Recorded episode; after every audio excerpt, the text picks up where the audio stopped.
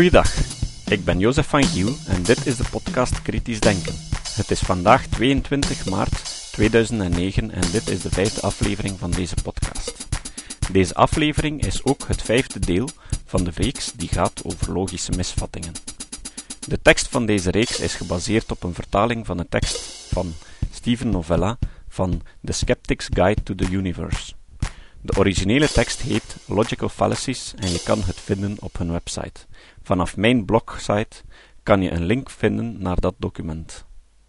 In de vorige afleveringen heb ik de logische misvattingen non sequitur, magisch denken, het autoriteitsargument en appelleren op emotie besproken. In deze aflevering bespreek ik het argument van het uiteindelijk resultaat. Het is een argument dat nauw aansluit bij de fout van het rationaliseren.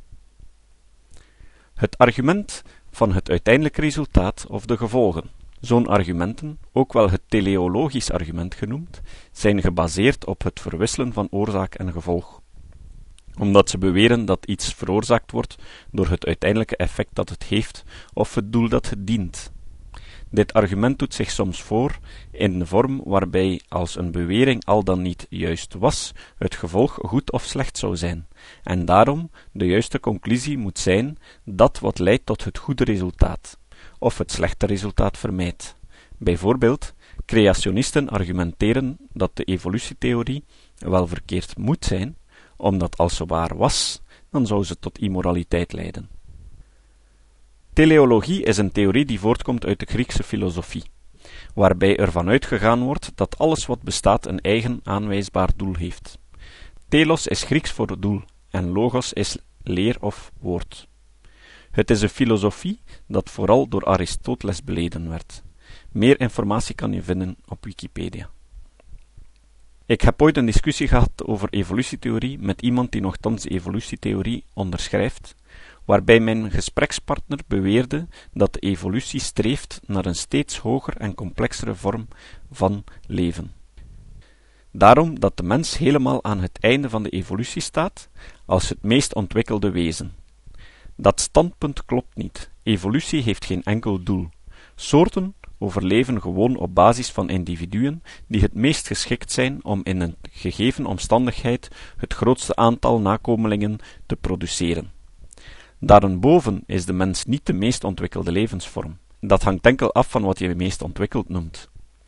Wij mensen gaan daar automatisch mensgeoriënteerde standpunten voor toepassen. De neus van een hond is met de neus van een mens te vergelijken als de hersenen van een mens met die van een kip.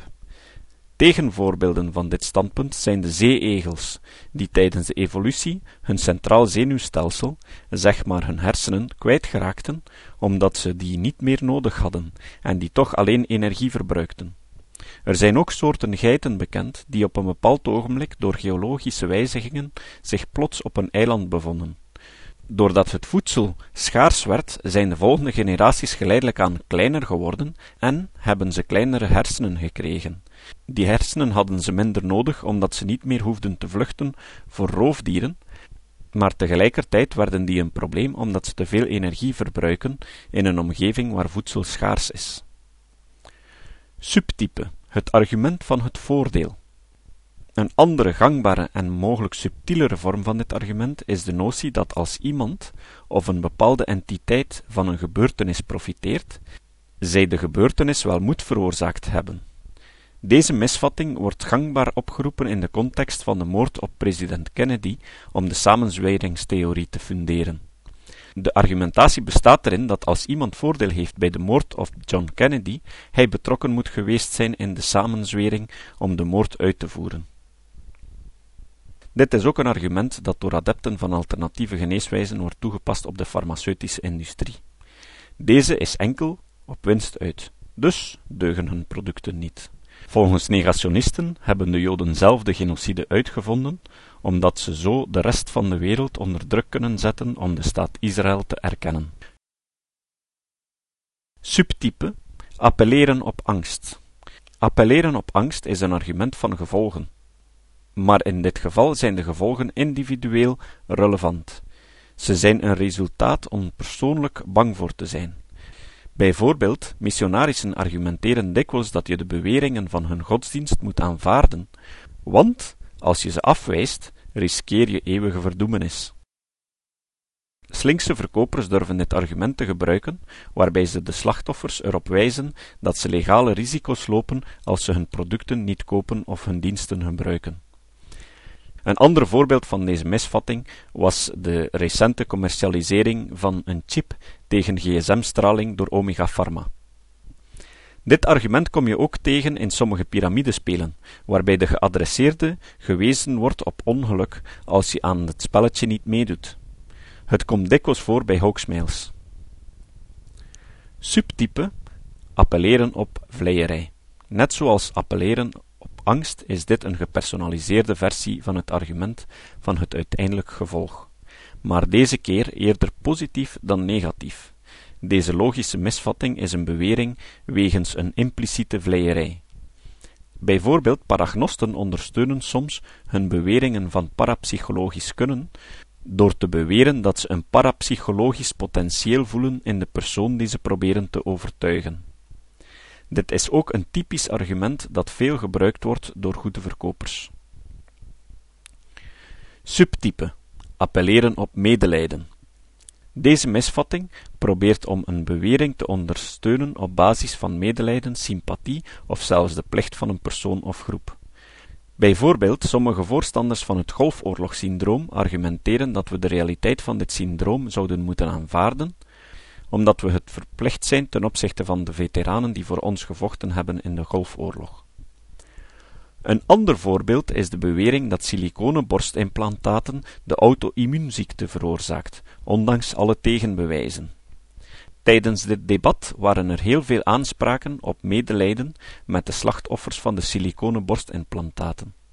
Dit kan ook aanzien worden als een misvatting van verondersteld besluit, want sympathie hebben voor de slachtoffers van siliconen borstimplantaten veronderstelt dat ze slachtoffer zijn, wat eigenlijk de kern van het debat is. Dit argument komt ook dikwijls voor als mensen met zeer ernstige medische problemen ten einde raad beroep gaan doen op kwakzalvers. Het wordt dan als scepticus heel moeilijk om die mensen tegen zichzelf te beschermen, omdat je snel verweten wordt dat je je principes belangrijker vindt dan elke kans op verbetering van de toestand. Nochtans is de werkelijkheid dat veel kwakzalvers van zo'n situaties misbruik maken om het fortuin van het slachtoffer te pakken te krijgen.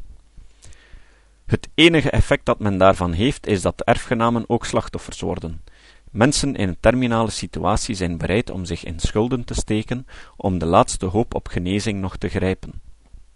Als die laatste hoop een zinvolle behandeling is, al is die nog in een experimentele fase, dan kan elke scepticus aanvaarden dat een mensleven moeilijk in geld kan uitgedrukt worden maar erfgenamen bovenop het verdriet nog opzadelen met een financiële schuld voor een totaal nutteloze behandeling is volgens mij een van de grootste misdrijven.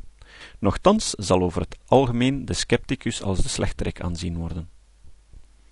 Dat waren de misvattingen voor deze uitzending. Dan hebben we verder enkel nog het citaat. Het citaat van deze aflevering komt van Isaac Asimov, een bekende schrijver van science fiction boeken en hij bedacht ook de drie basiswetten van de robotica. Deze wetten luiden: Eerste wet. Een robot mag een mens geen letsel toebrengen of door niet te handelen toestaan dat een mens letsel oploopt. Tweede wet. Een robot moet de bevelen uitvoeren die hem door mensen gegeven worden, behalve als die opdracht in strijd is met de eerste wet. Derde wet. Een robot moet zijn eigen bestaan beschermen, voor zover die bescherming niet in strijd is met de eerste of de tweede wet. Asimov was niet alleen een bekende en grote romanschrijver, hij was ook een bekende biochemicus.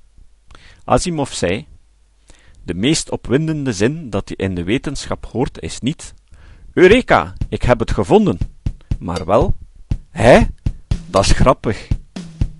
Tot de volgende keer.